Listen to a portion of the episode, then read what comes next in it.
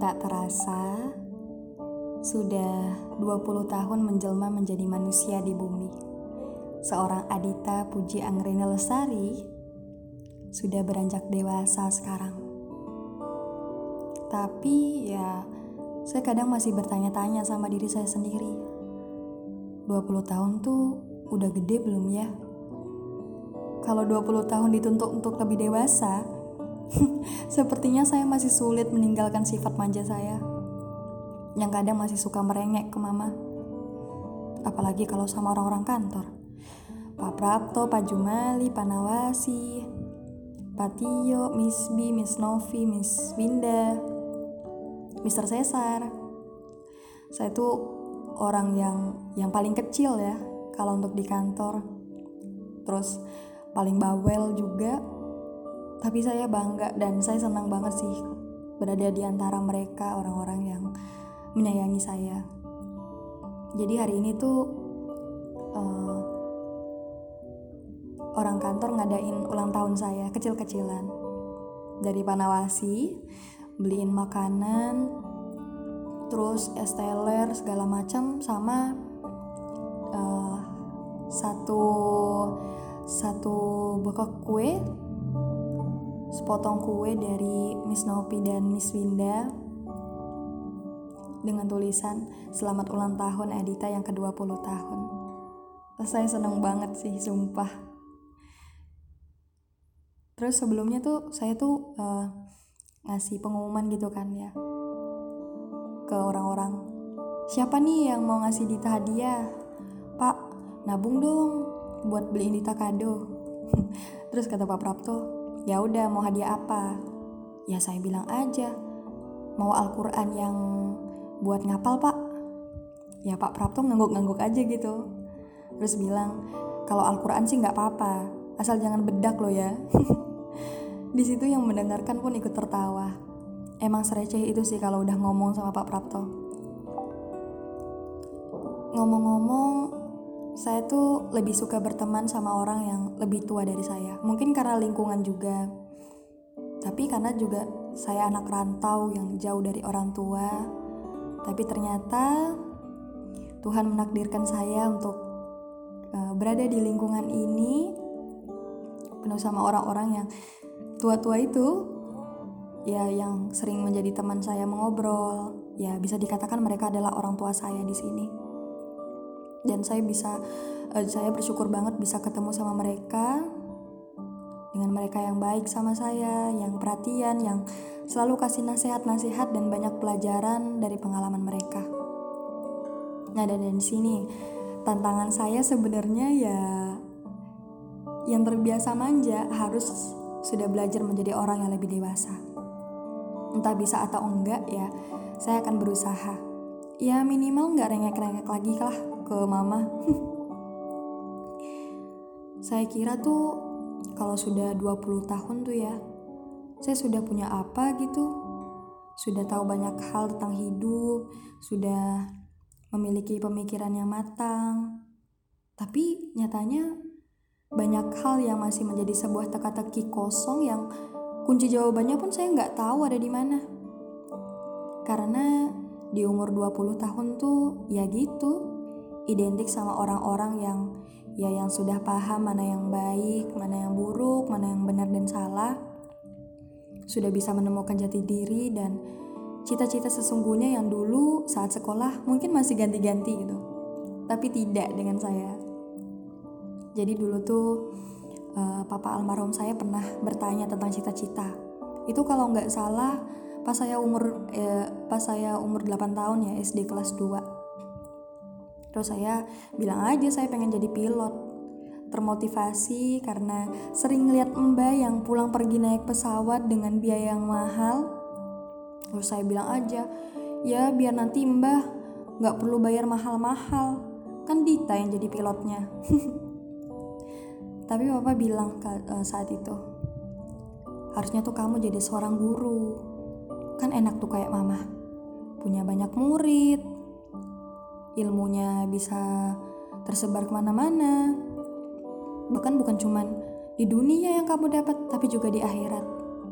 Ya terus saya dengan polosnya, ya nurut-nurut aja gitu namanya masih bocah akhirnya dulu tuh pas masih SD saya suka banget tuh bikin biodata diri bakal ada nama panjang nama panggilan nama samaran tempat tanggal lahir dan sebagainya terus ada cita-cita juga dan di situlah saya mul saya mulai menulis bahwa saya bercita-cita menjadi seorang guru eh tapi ternyata saya sekarang sadar bahwa itu memang jadi cita-cita saya yang sesungguhnya. Ya, mudah-mudahan tahun ini sudah bisa nyemplung ke dunia pendidikan. Apalagi yang berbau sama anak-anak. Duh, emang paling seru sih. Selain cita-cita yang tertera di bio, ada juga kriteria pasangan yang padahal itu masih bocah banget. Dan di akhir kertas akan ada list cowok yang disuka. Oh my god. aduh aduh itu malu banget sih sebenarnya dan tau nggak orang pertama yang saya tulis di bio itu ini sekedar mengingat masa lalu ya yo yo oke okay. semoga dia nggak denger podcast ini karena sebenarnya ya kalau ngingat masa lalu itu ya lucu aja gitu kalau diingat oke okay, oke okay.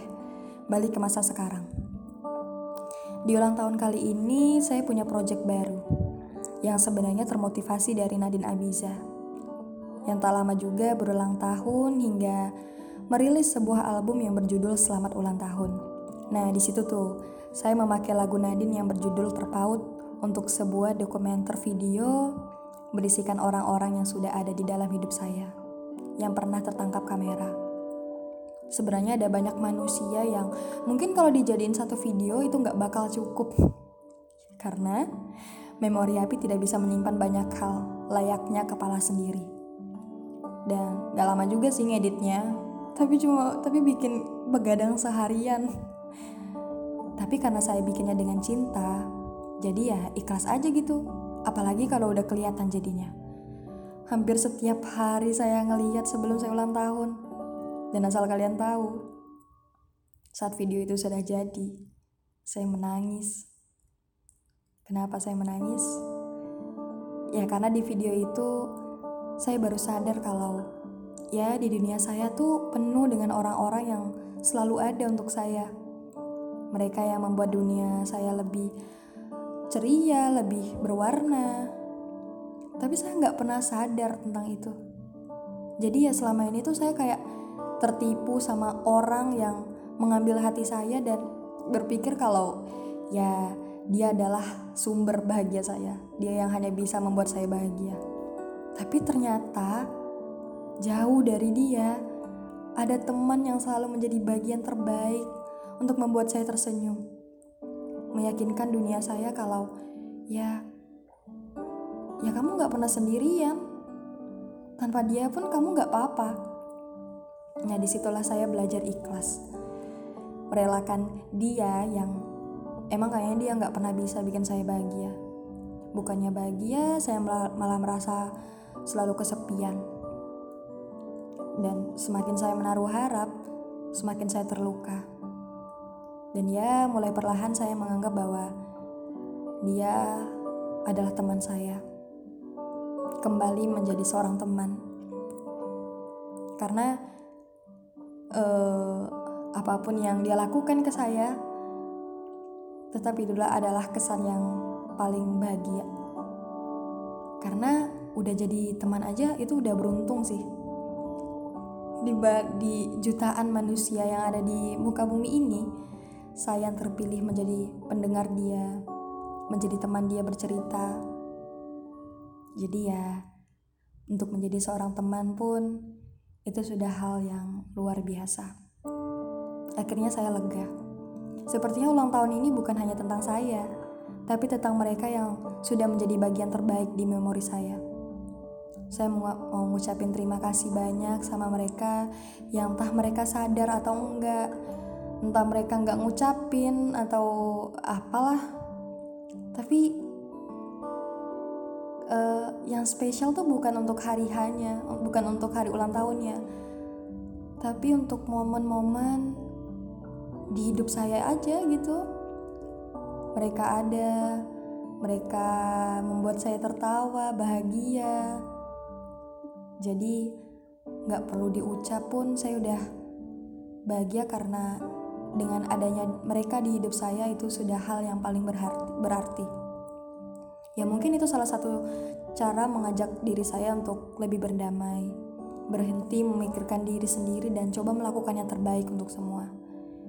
Ya seperti balas budi, eh, seperti balas budi tapi ini lebih lebih tulus daripada balas budi. Lebih ingin mereka ya dan kalian juga merasakan bahwa ya di dunia ini tuh kita nggak pernah benar-benar sendiri mungkin kita selama ini hanya nggak pernah ngelihat di sekitar kita aja tentang banyaknya manusia yang juga menyayangi kita. So selain menuntut diri saya untuk menjadi lebih baik saya juga menyambut baik jutaan manusia yang membutuhkan kebaikan. Berusaha menjadi yang berguna untuk mereka dan ya nggak terus-terusan ngebucin tentang dia.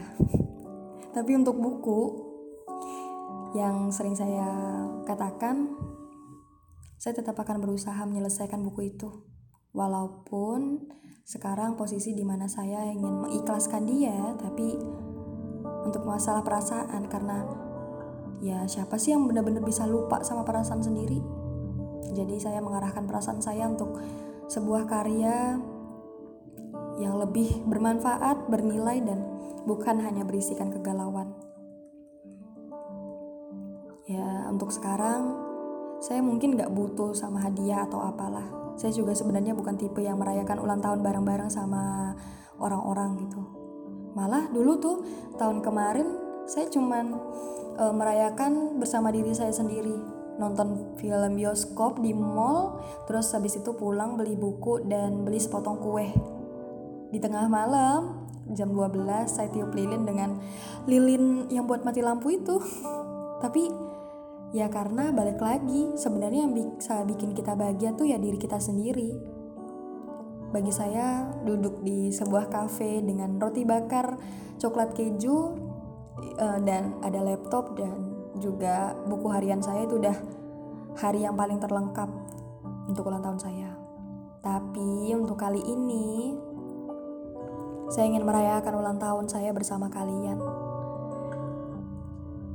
Bersama mereka juga karena saya di sini harus bersikap lebih ya lebih dewasa, nggak lagi cuek, nggak lagi acuh. Mungkin mereka juga butuh peran saya di dalam hidup mereka. Jadi saya berusaha untuk welcome, untuk menjadi orang yang terbaik untuk mereka. Terima kasih sudah ada di perjalanan Adit.